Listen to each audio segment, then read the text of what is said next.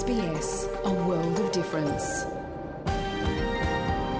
You're with SBS Somali on mobile, online, and on radio. waxaad nagala socotaan s b s soomaali oo aad ka heli kartaan mobil online iyo rediyoga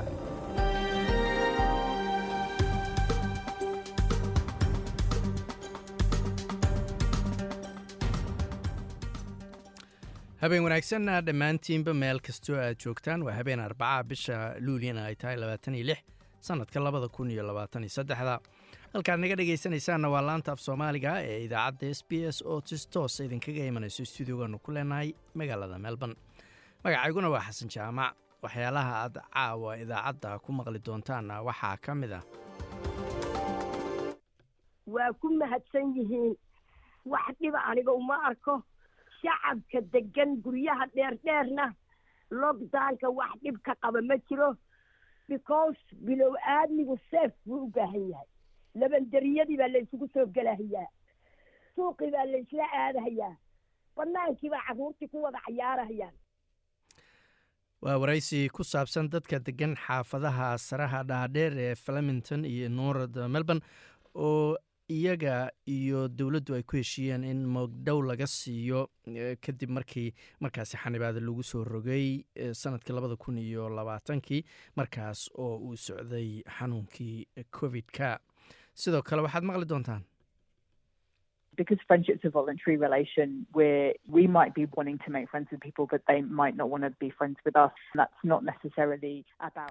waa warbixin ka mid a warbixinadanii deganaanshaha dalka oo ku saabsan wax miyaa kaa maqan haddii aadan weligaa la saaxiibin qof aad kala dhaqan duwan tihiin ama aydnan isku qowmiyad ka soo jeedin. Iyo muhiimadda ay leedahay inaad dad noocaas oo kalea la saaxiibto warbixin ku saabsan ayaad maqli doontaan. Marka horese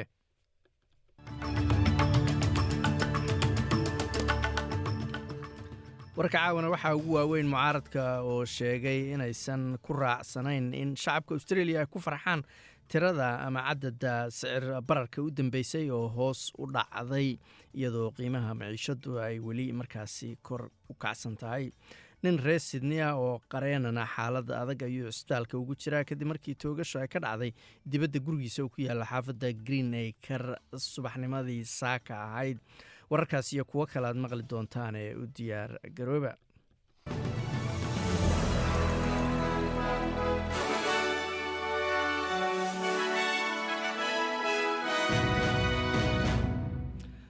Haddana waa warkii oo dhammaystiran mucaaradka federaalka ee dalkan australia ayaa sheegay inaysan ku raacsanayn in shacabka australia ay ku farxaan tirada sicir bararka ee u dambeysay taasoo muujinaysa in korarka qiimaha maciishadu uu xoogaa hadda soo khafiifayo afhayeenka u qaabilsan mucaaradka arrimaha khasnadda angus taylor ayaa sheegay in qiimuhu weli sii kordhayo. Shacabka australiana ay saacado dheeraada shaqaynayaan si ay u awoodaan inay iibsadaan maciishada ay u baahan yihiin waxaa kaloo uu sheegay in xudunta sicir bararka australia ay hadda tahay shan dhibic sagaal boqolkiiba sidaasna ku tahay sicir bararka ugu sarreeya dalalka dhaqaalahoodu horu maray.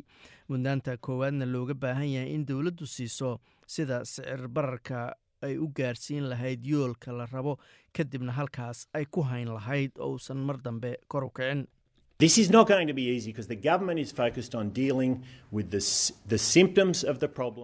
Arrintanu ma aha mid sahlanaanaysa ayuu yidhi sababtoo ah dowladdu waxay diiradda saaraysaa astaamaha dhibka ee ma saarayso isha ama halka dhibka uu ka yimid. Waxaa jira khatar ah in dhaqaaluhu gebi ahaanba burburo ama uu gebi ahaanba hakad ku yimaado. Sicir bararkuna mar dambe dib u soo noqdo ayuu yidhi angus taylor. Gobolka victoria ayaa lagu wadaa inuu ballaariyo barnaamijyada dowladdu ay maalgelisa ee haweenka guryahooda ku dhala.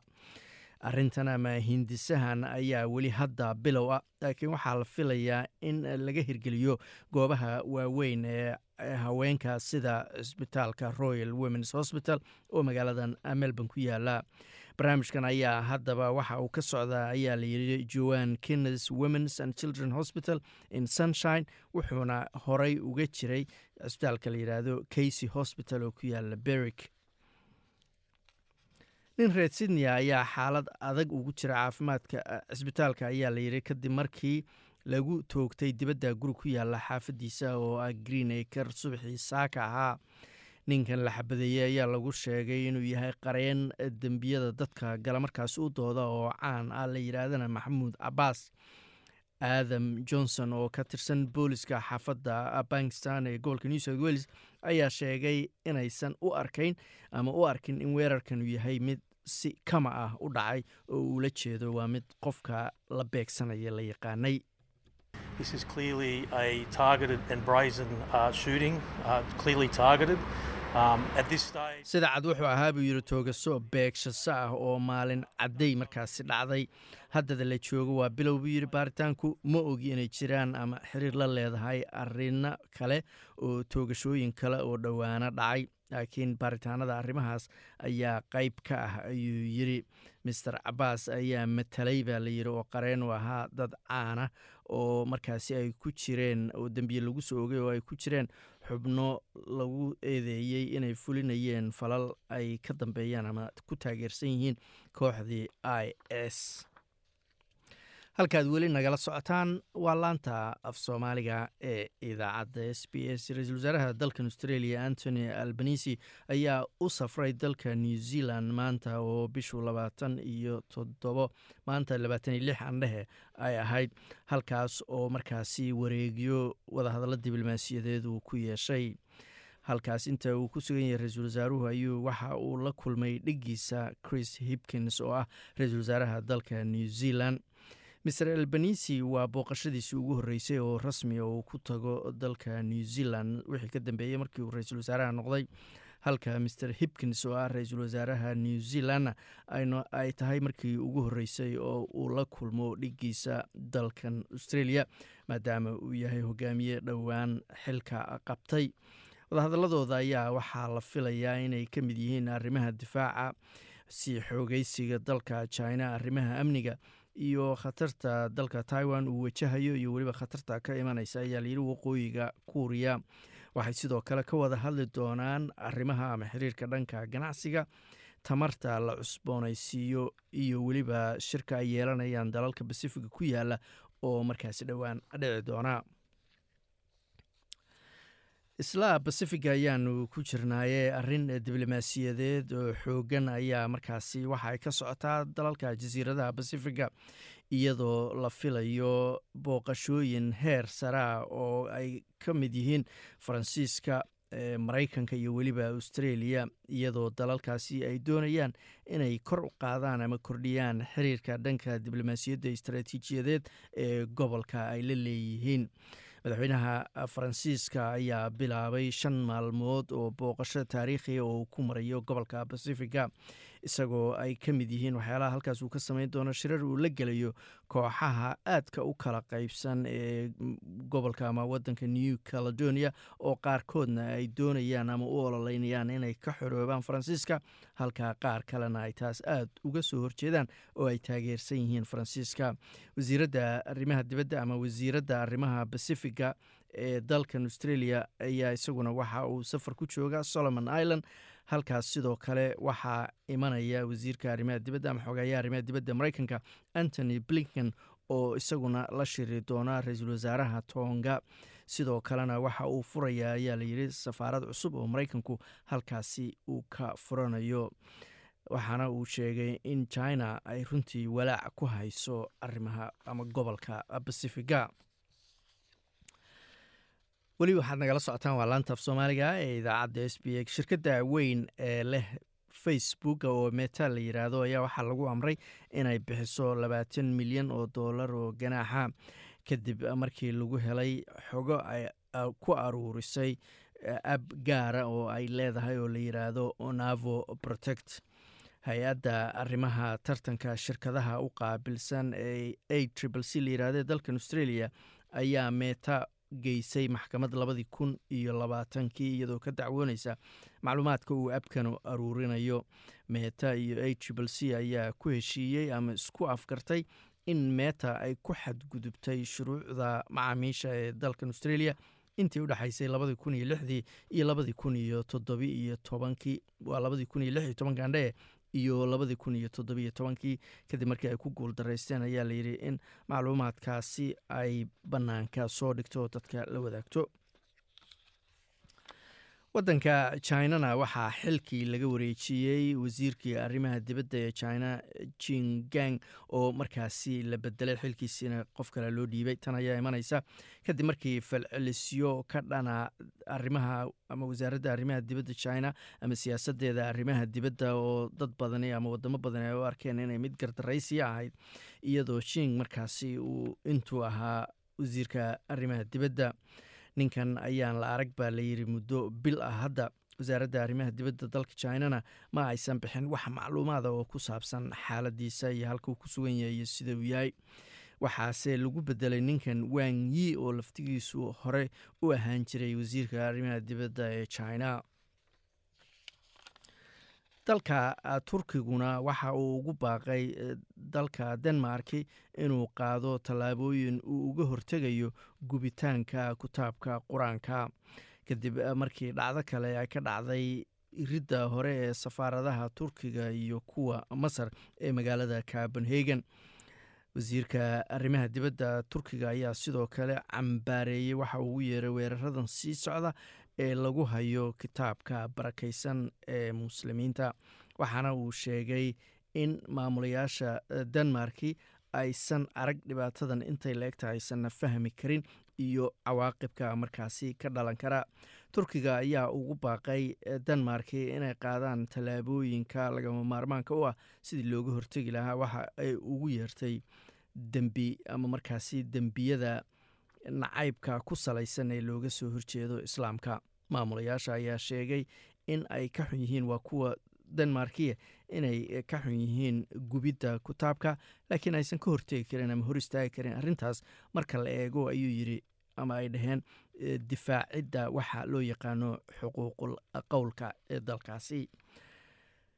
Cayaaraha adduunka ee haweenka oo ka socda fifa ee ka socda dalalka australia new zealand cayaarihii u dambeeyey philibiin ayaa hal iyo eber waxa ay ku dhufatay dalka new zealand switzerland iyo norweyna eber iyo eber ayay ku kala bixi waayeen. Jabaanna laba iyo eber waxay ku dhufatay costa rica halka spain ay shan iyo eber ku dhufatay dalka zambia ee africa saadaasha hawada berita oo khamiisa magaalada melbourne waa qayb ahaan daruuriya lix iyo toban digrii sydneyse waa cadceed iyo labaatan digrii halka australian dollar maanta waxaa lagu sarfeeyey lixdan iyo sideed senti oo lacagta maraykanka ah.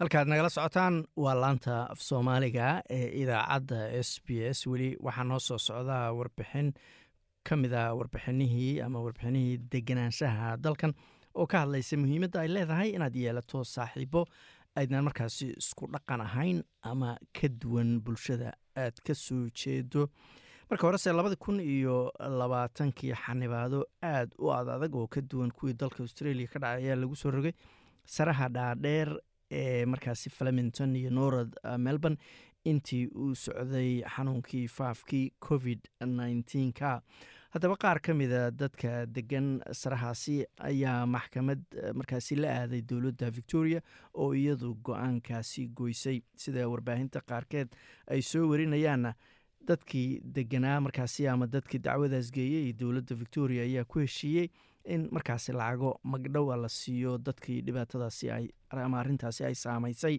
iyadoo la go'aamiyey in qofkii markaasi da-diisu weyn tahay ama qofkii qaangaara la siiyo lacag gaaraysa laba kun iyo laba boqol halka ilmaha yaroo lix iyo toban sano ka yarna la siiyo kun iyo laba boqol iyo markaasi konton xaawo dheel waxa ay ka mid tahay dadka degan sarahaas dhaadheer oo u soo joogay markaasi markii xanibaadihaasi la soo rogay. Waxaan weydiiyey bal sida u aragto marka horese waxay ka hadlaysaa bal waxa ay ka xasuusato markii arintaasi ama xanibaadahaasi la soo rogay? Wallaahi eedow coron virus xun baa socday. Soo ma ahayn. Galabtii markay ahayd saddexdii galabnimaha t v-ga wuxuu ka sheegay bremeriga iyo ninkii howsinka minister howsinka richin win saddexdii galabnime waxay ka sheegeen t v-ga in lockdown nalagu qabanaayo. Lockdown markii nalagu qabanaayo oo waxaa la yidhi saraha dheer dheer lockdown baa la saarayaa. Lockdownkii goor la saarahaya marka ma ayna sheegin.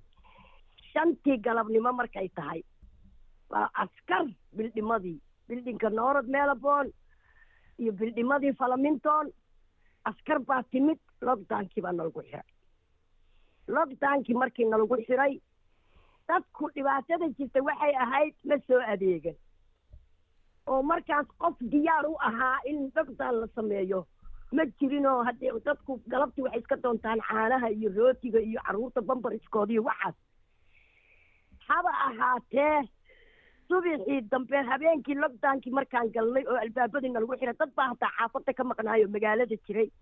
Dadkii waa soo galeen waa yimaadeen. Albaabadii oo la tuuran yahay arkeen war maxaa dhacay? War waxbaa gubta maya ma gubanine. Waa lockdown emergency. Ah lockdownka horta annaga dan buu noo ahaa. Dan buu noo ahaa. Aad buu dan noogu ahaa. Waa la dhammaan lahaa. Haddaan lockdownkaas laysku qabanin waa la dhammaan lahaa because ragga yagii maqaayadahay tegayaan maqaayadihii bay ka imaanayaan carruurtii iyo dumarkii bay u imaanayaan lockdownkii nalagu qabtay wax xun ma ahayn wax fiican buu ahaa.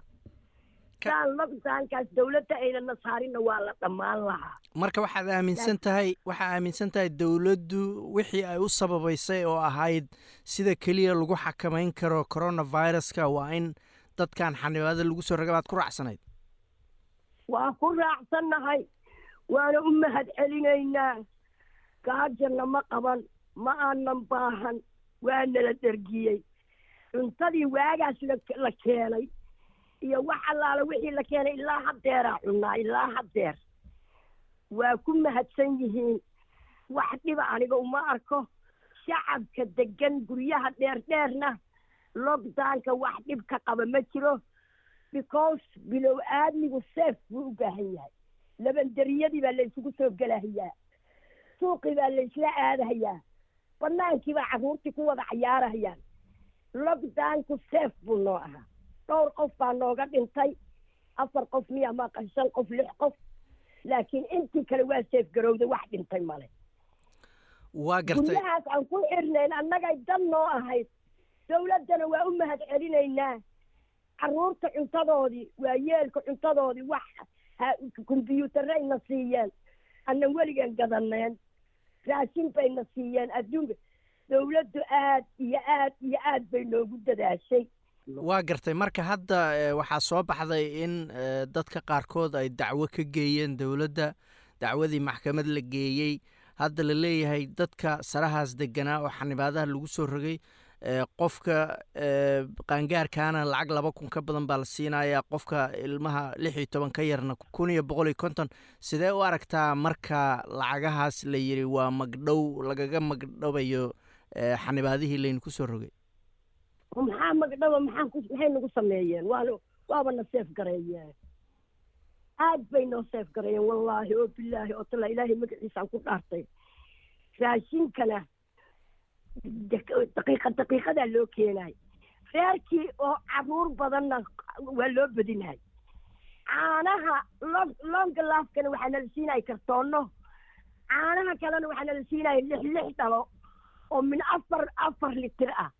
Rootiga baastada sokorta saliidda yoogadka carruurta nacnacoodii biyaha cabitaanka ah hilibka wallaahi eedo hilibka ari ariga iyo lo-da iyo geela hataa naloo keenay hilib geela. Wax naga hadlaysnaa ma jirin. Haddee lacagtaana haddayna siiyaan waa ku mahadsan yihiin. Waa intayna siiyeen oo kale. Waa gartay dadka marka laakiin qaba oo ka dhibaatada ay ka mid ahayd askar badan oo meesha lagu soo daadiyey oo baqdin geliyey oo yidhi magaalada inteeda kale sidaan looguma soo rogin. Dadkaas miyayse xaq u lahayn inay dacwoodaan oo dhahaan si gaarana loola dhaqmo oo aan fiicnayn eedda horta qof walbaba sibuu wax u arkaa qofka ilaahay bilow aadmigaa isku si wax looma wada arko. Annagu askartaa nalagu soo daadiyey. Ma inay khalad ahayd emergencyga. Askarta emergencyga naloogu keenay because askarta waxaa la keenay sagaal saac ay ka hadleen t v-ga nimankaas shantii galabnimona askartaa la keenay taasay qalad bay ahayd. Laakiin maalintaas wixii ka dambeeyey eeta dhib ma qabin qofka dacwoodana hadda isagaa og dhibkuu qabaa laakiin annagu dacwo ma qabno. Qofka bilow aamniga waa dacwoon karaayo dadku isku aragti maaha. Qofba aragti buu leeyahay. Qofba sibaa ilaahay wax ugu qabtaa.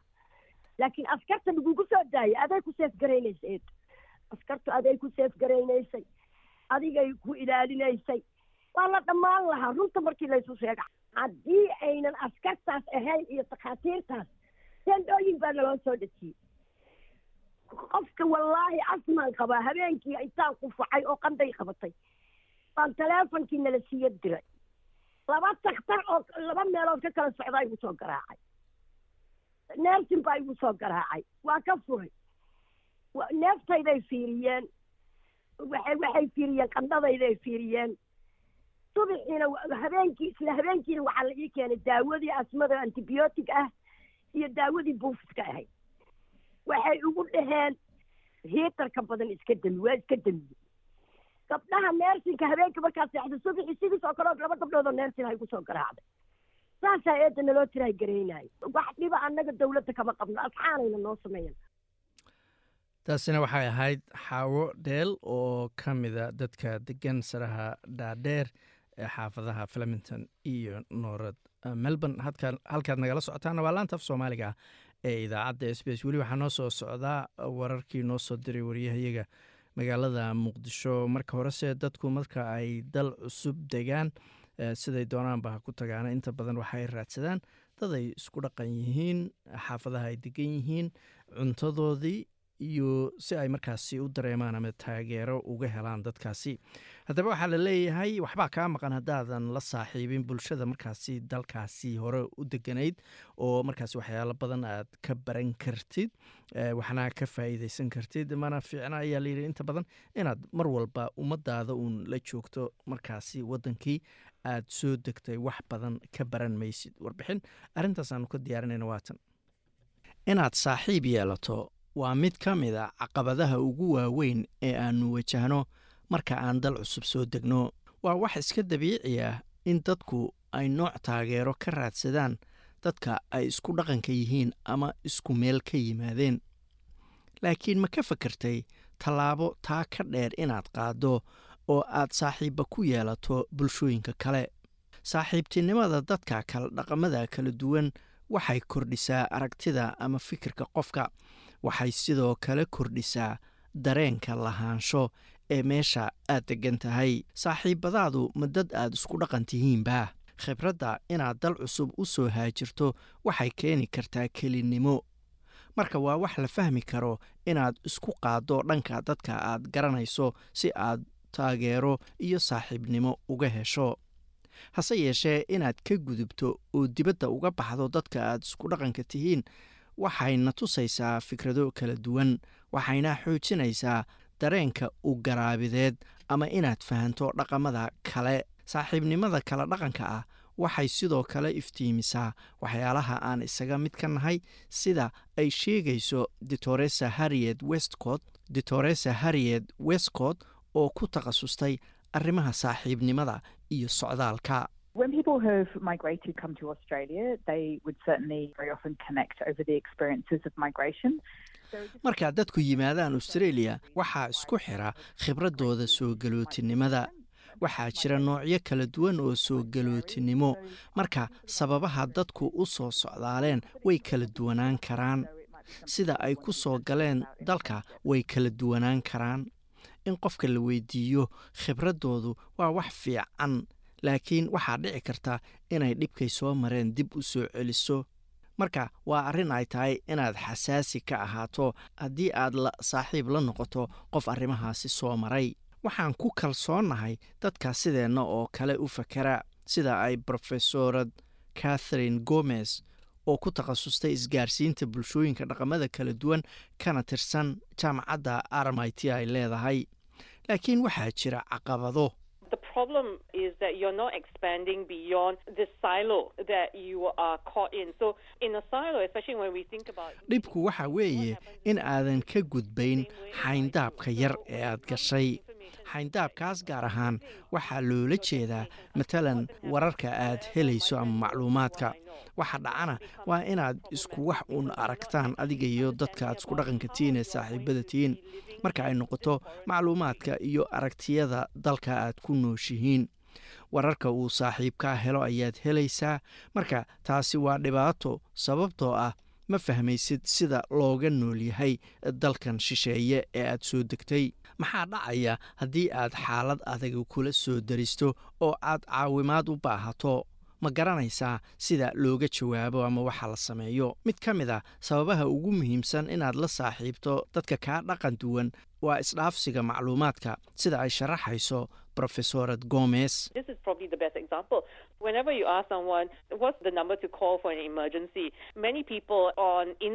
tell you. waxaa dhici karta intani tahay tusaalaha ugu fiican mar kasta oo aad qof weydiiso muxuu yahay lambarka la waco markii xaalad deg dega kula soo gudboonaato.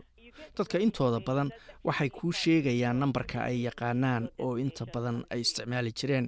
Anigu waxaan ka imid singabuur marka markiiba waxaa igu soo dhacaysa lambarka sagaal sagaal sagaal. Markiiba maskaxdayda ku soo dhici mayso eber eber eber. Marka inaad leedahay saaxiibo ka baxsan xayndaabka waxay kuu sahlaysaa inaad hesho macluumaad muhiim kuugu ah inaad ku noolaato dalka cusub ee aad timid. Ardayda ajaaniibta ee dalkan australia wax ka barta ayaa inta badan sheega in uusan ku dhicin waxa la yidhaahdo cultural shock ama layaabka dhaqanka cusub. Ayna dareemaan inay si fiican ula qabsadeen waddanka marka ay yeeshaan saaxiibo waddanka u dhashay hase yeeshee rofesorad gomez ayaa maqasha in ardada ajaaniibta ee jina ka yimaada inaysan lahayn saaxiibo ka baxsan ardada kale ee jiniiska ah. Xataa saaxiibada saaxiibadood waa jiniis marka waxay ku dhex jiraan waxa loo yaqaano wareeg aan dhinacna looga bixin ama cultural bubble wax la yidhaahdo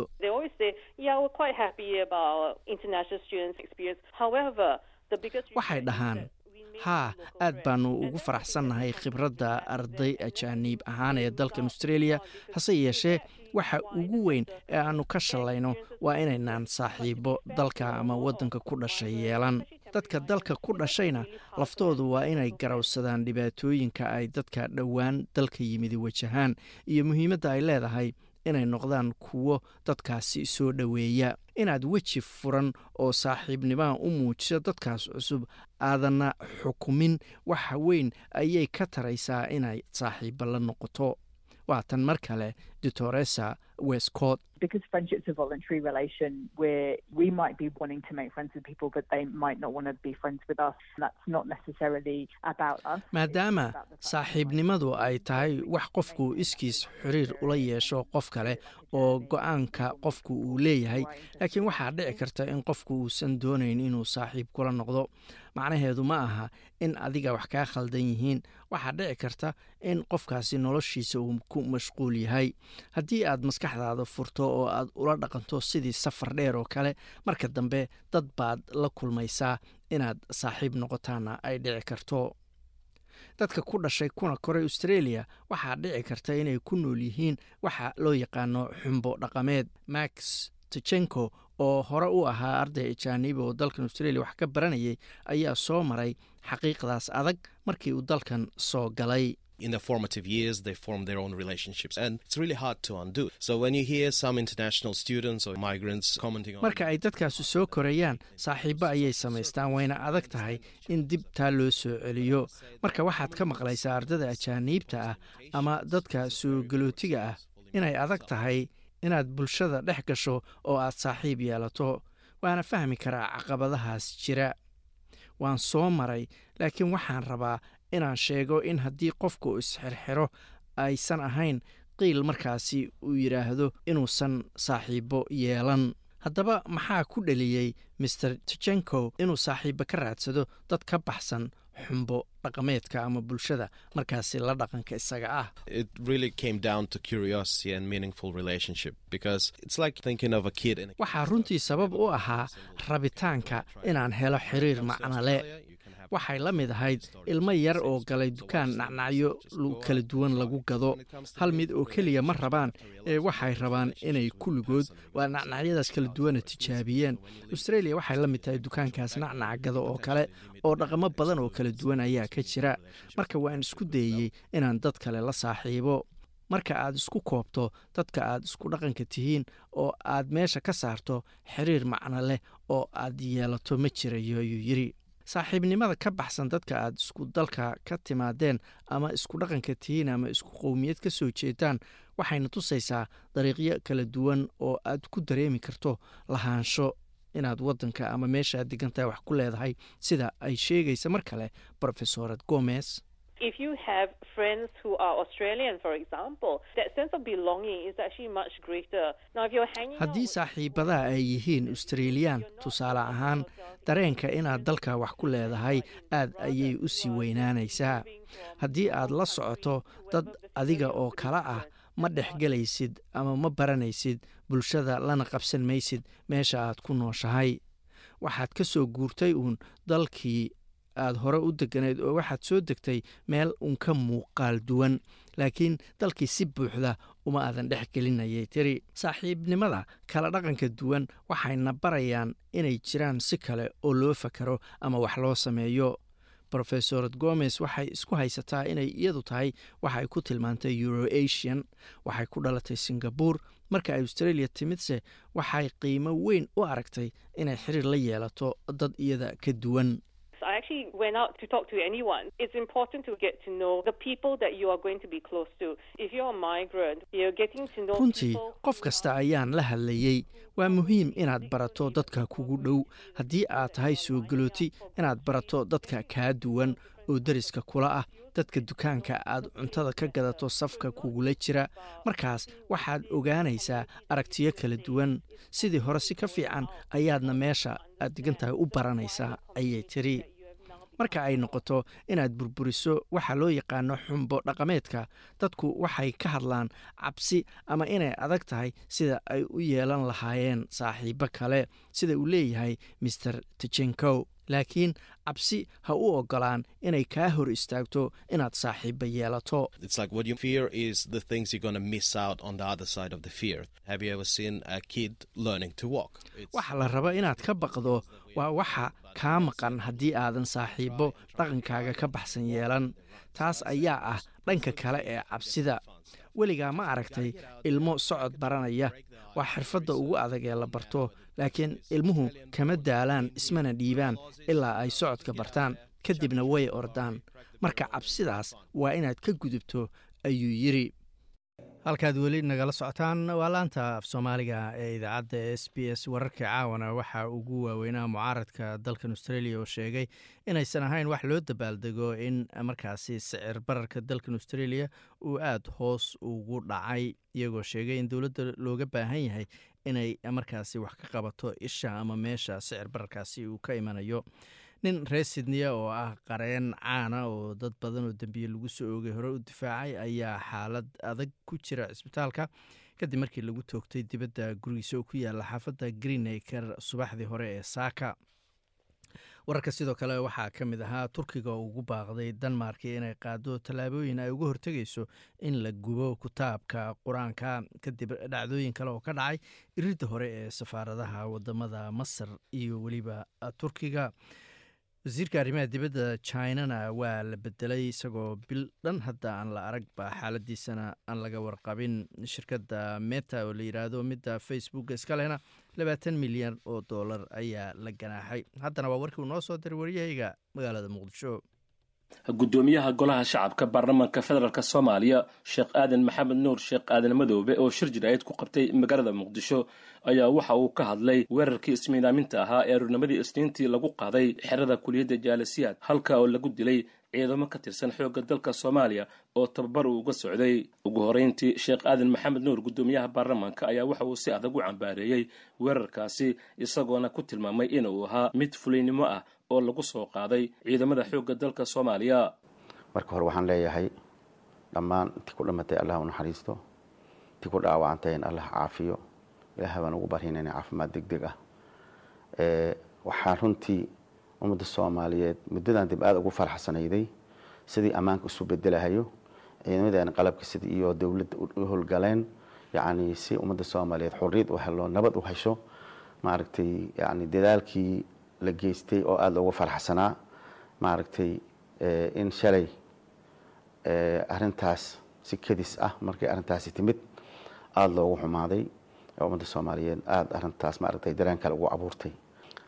Waxaan ambaaraynaynaa falkii fuulinimada lahaa naxariis darrada ahaa diinlaawada ahaa oo shalay dhibaatadaas lagu gaarsiiyey ciidamada qalabka sida ee ummadda soomaaliyeed u shaqaynahayay xuriyadooda iyo noloshooda sharaftooda difaacayay in maaragtay bahal ahlu naar ah oo naftis hilaaga ah soo dhexgalo oo dadkaas sidaa lagu dhibaateeyey aada iyo aad baan u ambaaraynaynaa waana ka xunnahay.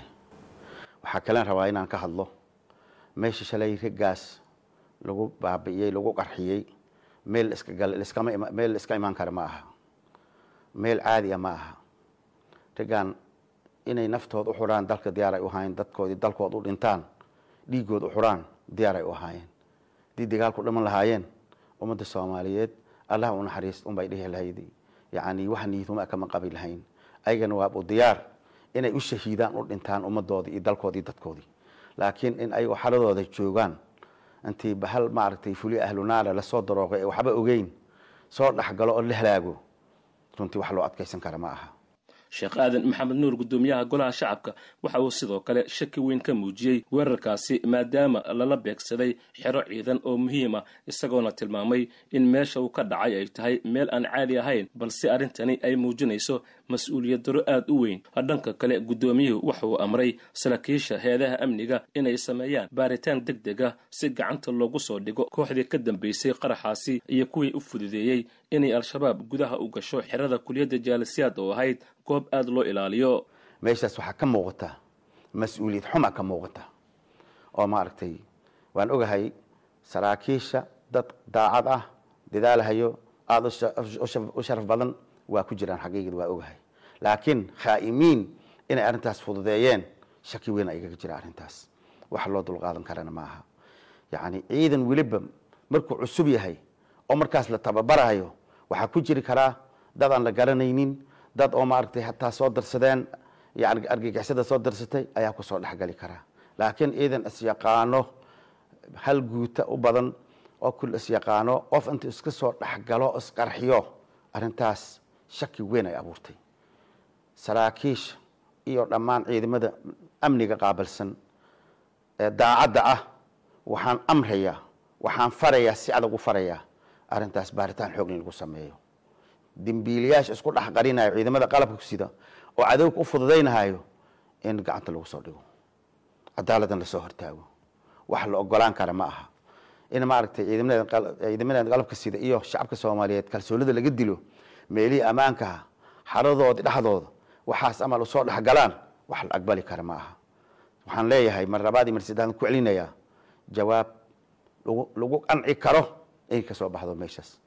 Intaasaan rabaa inaan yidhaahdo waxaana sugayaa jawaab sax ah oo lagu qanci karo arrintan raadkeeda iyo waxay tahay oo cad taasna waa fadhiina. Dhanka kalena mas'uuliyiin ka tirsan dowladda oo uu horkacayay ra'iisul wasaare ku-xigeenka xukuumadda federaalk soomaaliya saalax axmed ayaa isbitaalka digfeer ee muqdisho ku booqday dhaawacyada askartii lagu weeraray kuliyadda jaalasiyaad kuwa ay ku jiraan sida la sheegay ilaa labiiyo toban askari oo dhaawacoodu aada u culus yahay qaar ka tirsan xildhibaanada booqashadaasi ku weeliyey ra'iisul wasaaraha oo uu ku jiro wasiirka kalluumaysiga axmed xasan aadan ayaa warbaahinta la hadlay. Waxaan ka tacsiyeynaynaa geeridii ku timid ciidamada qalabka sida qaybo ka mida guutada afar iyo tobnaad. Intii dhimatay waxaan leenahay allah u naxariisto. Inta dhaawacanna ilaahay ha u booqdhayo. Waxaan kaloo cambaaranaynaa weerarkaas fulinimada ahaa ee la soo abaabulay ee waxashinimada ahaa ee lagu qaaday ciidankaas. Ayadana waa cambaaraynaynaa waxaan kaloo fariin u diraynaa laamaha amniga in baaritaan rasmi ah lagu sameeyo qadiyaddan oo dadkaa geeriyooday iyo dadkaa dhaawaca ay cadaalad helaan. Annagana haddaanu nahay xildhibaanada qaranka arrintaas waa daba taagnaan doonnaa mana ka hari doonno. Waxaan kaloo aan fariin u faraynaa xukuumadda. Waxaa jira dhaawacyo ay suurtagal tahay inaan waddanka wax looga qaban karin in ayagana sidii dibadda loo geyn lahaa aada loo looga dadaalo ayadoo ay soo bixi doonto afar laad sac kadib dhaawacyada halista ah qaybta halkan wax looga qaban karo iyo qaybta u baahan daaweyn dheeri ah oo dibadda u baahan. Arrintaasna waxaa weeye fariintaasna xukuumadda waa gaarsiinaynaa. Waxaan uga tacsiyanaynaa innaga isaga tacsiyanaynaa wixii dhacay. Inkasta oo diinta islaamku ayna bartay qofka shahiidka ah inaan loo tacsiyeynin oo la yidhahdo qofkaas waa shahiid maxaa yeelay marka hore gacanka xaq daran baad dishay marka labaad waxay ahaayeen saan ognahay ciidamadii koob iyo tobankii afar tobankii oktoobar oo marka horeba ku aasaasmay inay dalka difaacaan. Marka saddexaadna waxa weeye ciidan qaran oo waxa weeye ayagoo hawshooda ku jiro oo dhib gaari ayay tahay. Waxaan aad iyo aad ugu tahniyeynayaa inay shahaado heleen oo aan rajayn inta dhimatay inay yihiin shuhada. Inta dhaawacana si aad u jeedaanba waxaan joognaa ordogan hosbitaal dowladda ayaa gacanta ku hayso dhaawacyadii dadka soo gaaray. Halkan ra'isul wasaare hadda ka dhaqaaqay ku-xigeenkii oo isagana kusime ra'isul wasaare ah innagoo xukuumaddii aan joogno. Isla shalayba waxaa bilowday baaritaano rasmi ah oo lagu qaaday meeshii wax ka dhaceen gacantana lagu haya hay'ada amni gacanta ku hayaan iyada oo haddaba inta badan dowladdu ay sheegto marka sidan oo kale qaraxyo ay geystaan al-shabaab oo dhibaato ka dhalato in baaritaan lagu samayn doono oo la soo bandhigi doono ciddii ku lugta lahayd. Arrintaasi oo fududaysay ayaan haddana inta badan dib loo arkin wax natiijo ah oo ka soo baxa hase yeeshee xildhibaan cabdulaahi carab oo ka mid a xildhibaanada golaha shacabka baarlamaanka soomaaliya ee dhaawacyada booqday ayaa muujinaya in arrintani jawaab laga soo saari doono. Inta dhaawaca intaan soo aragnay labaiyo toban ayaa xaaladooda adag tahay oo la ogaan doonaa dowladda iyo shacabka iyo dhammaan qaraabadii oo dhan halkaanay wada joogaan. Waxaana la sugayaa keliya waxa ka soo baxo baaritaanka iyo dowladda hadda waddo. Waxaan rajaynayaa hawshii shalay dhacday howl yar ma ahayn. Qof kasta gurigiisay ugu tagaysaa taliyihii guriga oo degan yahay hortiisay waxaas ka dhaceen waxaan rajaynayaa sida aysan ayagaba arxanka u lahayn inaan loo naxariisan qof kasta oo waraadkaas soo galo. Waa naga ballan qaaday shalay taliyaha iyo dhammaan saraakiisha meesha joogtay. Waxaanan filaynaa war shacabka soomaaliyeed oo ku farxo inuu ka soo baxo. Si kastaba weerarkani lagu qaaday xerada tobabarka ciidamada ee kuliyadda jaalasiyaad ayaa waxaa ku geeriyooday inta la ogyahay ilaa iyo shan iyo labaatan askari halka tiro intaa ka badanna uu ka soo gaaray dhaawacyo kala duwan waxaana mas'uuliyadda weerarkaasi sheegtay xarakada shabaab waxaana weerarkan uu ku soo aadayaa xilli dowladda federaalk ee soomaaliya ay dhowr jeer sheegtay inay guulo ka gaartay dagaalka ka dhanka xarakada shabaab ee ka dhacay qeybo ka tirsan gobollada dalka iyo inay xoojiyeen amniga guud ee caasimada muqdisho iyadoo waddooyinka waaweyn ee gobolka banaadir lagu arkayay ciidamo tiro badan oo tababar ku soo qaatay dalka dibaddiisii oo sugaya ammaanka. Hase yeeshee taasi ma baajin weerarada ay al-shabaab ka geystaan gudaha caasimadda gaar ahaan xeryaha ciidamadu ay ku tababartaan. Halka qadarkaas xayeysiinta iyo warbixintii ka horreysay aad kala socoteen waa laanta af soomaaliga ee idaacadda s b s warbixinahaas iyo wararkii hore iyo waraysiyo badan. Waxaad ka daalacan kartaan website-ka iyaga oo ah www s b s com au iyo xariijin soomaali. Sidoo kale waxaad nagala socon kartaan bartaan facebooka ku leenahay oo ah www facebook xariijin markaasi s b s soomaali. Weli waxaa noo soo socdaa qadar heesa marka horese xanuunka sokorta ama diabetiska ayaa aada ugu soo badanaya dalkan australia ayaa la yiri haddii qofka xanuunkaasi sokorta qaba uusan keliyihiisa si joogta u baarinna waxaa laga yaabaa ama khatar uu yahay in markaas keliyuhu fariistaan. Warbixin arintaas sokorta iyo xanuunka keliyaha oo sokortu ay keeni karto aanu ka diyaarinayna waatan tirada dadka la nool sonkorta ama waxaa diabetiska la yidhaahdo ee dalkan australia ayaa la saadaalinayaa inay labanlaamaan marka la gaaro labada kun iyo afartan iyo shanta oo ay gaaraan saddex milyan oo qof.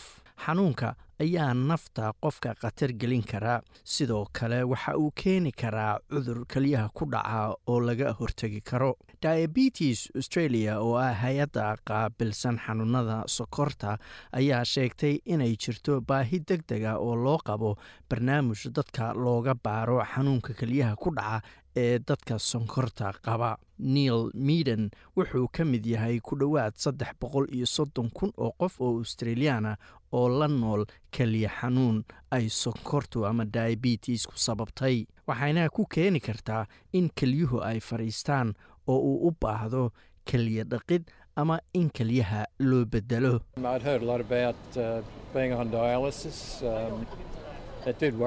wax badan ayaan maqlayay ayuu yidhi keliyo dhaqid aad baana uga walaacsanahay fikradda ah in inta mashiin lagugu xiro noloshaada oo dhan ma aha wax aad soo dhoweynayso waxyeelada ka dhalata in mashiin lagugu xiro waa mid welwel igu haysa. Laakiin waxaan rajaynayaa inaan heerkaas aanan gaarin ayuu yidhi. Warbixin cusub oo ay diabetes australia soo saartay ayaa iftiimisay saameynta xanuunka kelyaha ee sokortu keento iyo kelya fariisadka la xiriira waxaana la qiyaasay in dhaqaalo gaaraya labo dhibic lix bilyan oo dollar ay ku baxdo xanuunadaasi sanadkiiba. Warbixinta ayaa sidoo kale lagu shaaciyey keliyo nadiifinta lagu sameeyo dadka sonkorta awgeed keliyuhu ay u fariisteen in ay shantiiba boqol ka yihiin dadka cisbitaalada la geeyo lagu dabiibo. Justin kane waa madaxa diabetes australia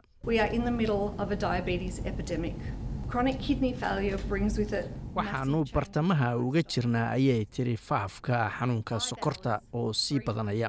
Keliyaha oo qofka fadhiista waxaa la socda in qofku sida uu u nool yahay ay aad wax isaga bedelaan shan saacadood saddex jeer toddobaadkiiba konton iyo labada toddobaad ee sanadku ka kooban yahay toddoba boqol iyo siddeetan saacadood sannadkii qofku cisbitaal ayuu ugu jirayaa in keliyaha looga dhaqo.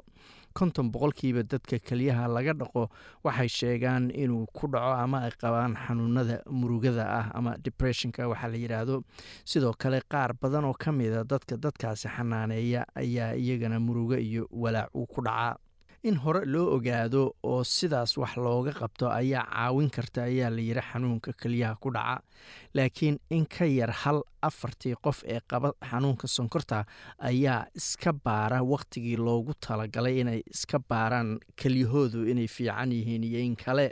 Rofesor richard mcisak waa madaxa qeybta kelyaha ee cisbitaalka st. Vincent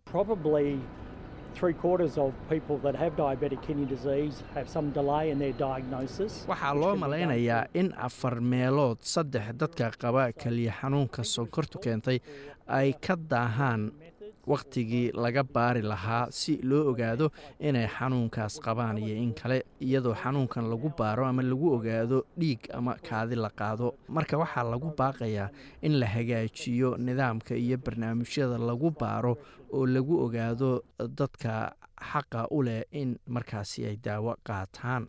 Xanuunka kelyuhu wuxuu aad ugu badan yahay dadka dalkan loogu yimid marka loo barbardhigo bulshaweynta australia rofesor jini beregogas oo ka tirsan macadka caafimaadka ebworth ayaa sharaxaysa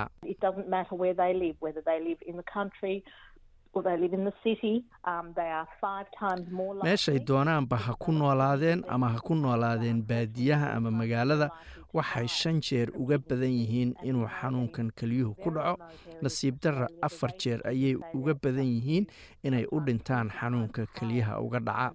Waxaan ognahay in dhulalka fogfog ee australia ay labaatan jeer uga badan yihiin in kelyuhu fadhiistaan marka loo barbardhigo shacab weynaha justin kane ayaa sheegaysa in barnaamij lagu baaro loo baahan yahay in la sameeyo.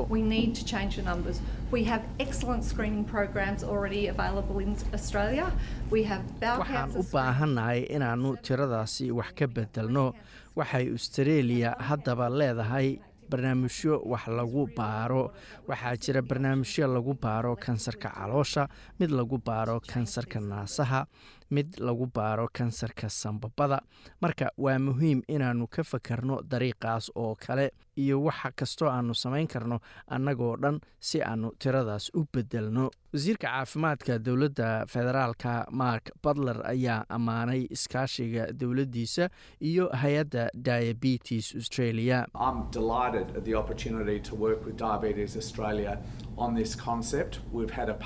Waxaan ku faraxsanahay fursadda aan arintan kala shaqayno diabetes australia.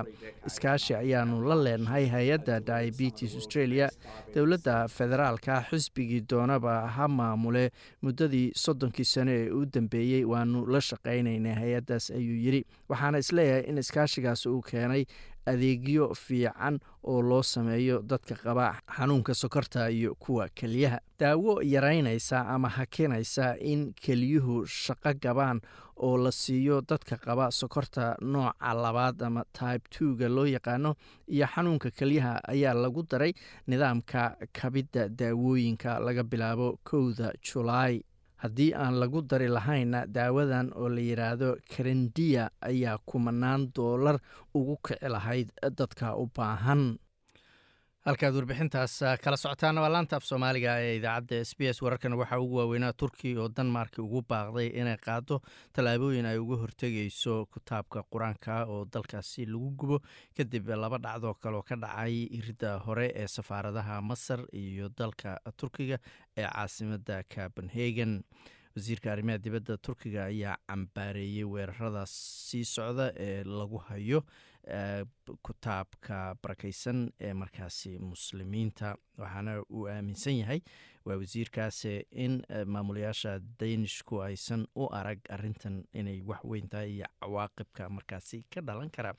Chinana waxa ay xilkii ka wareejisay wasiirka arrimaha dibadda shingang oo lagu bedelay nin horey isagu u ahaan jiray isla jagadaasi hore u ahaan jiray oo la yidhahda wangyi wasiirka arrimaha dibadda ayaan la aragayaa layiri muddo bila shirkadda meta oo iyadu iskale facebookana. Waxaa la amray inay labaatan milyan oo dollar oo ganaaxa bixiso. Kadib markii lagu helay inay markaasi xadgudubyo ku sameysay xogyo ay aruurisay oo ay u isticmaashay abka u gaarka ee la yidhaahdo onavo protect ra'isul wasaare antony albanisi waa ra'isul wasaaraha dalkan australiana. Waxa uu safar ku joogaa dalka new zealand. Maanta isagoo halkaasi markaasi wadahadallo diblomaasiyadeed kula yeeshay dhigiisa chris hipkins. Mr albanisi ayay tahay markaasi kulankii ugu horreeyey ama booqashadii ugu horreysay oo si rasmi uu ku taga new zealand sidii uu xilka u qabtay. Sidoo kale mr hipkins ayaa markii ugu horreysay hogaamiye new zealand australiana andhehe uu la kulmo nin reer sydneyana xaalad adag ayuu istaalka ugu jiraa baa layidhi kadib markii lagu toogtay dibadda gurigiisa oo ku yaalla xaafadda green acre subaxii hore ee maanta ninka la xabadeeyay ayaa lagu sheegay maxamuud cabaas oo ah qareen u dooda dadka dembiyada lagu haystay. Waxaana u difaacay kaysas markaasi caana oo ay ka mid yihiin dad lagu soo eedeeyey inay ku lug lahaayeen ama u dagaalamayeen kooxda i s mucaaradka dalkan australiana waxa ay sheegeen inaysan ku raacsanayn in markaasi loo dabaaldego sicir bararka dalkan oo la sheegay inuu aad hoos ugu dhacay. Waad ku mahadsantahay inaad dhegaysato raadiyaha s b s toos u dhegaysa barnaamijka habeenada arbacada iyo jimcada tobanka fiidnimo. Ama kaga soo cesho website-ka iyaga iyo s b s radio app. Booqo s b s com au xariijin soomaali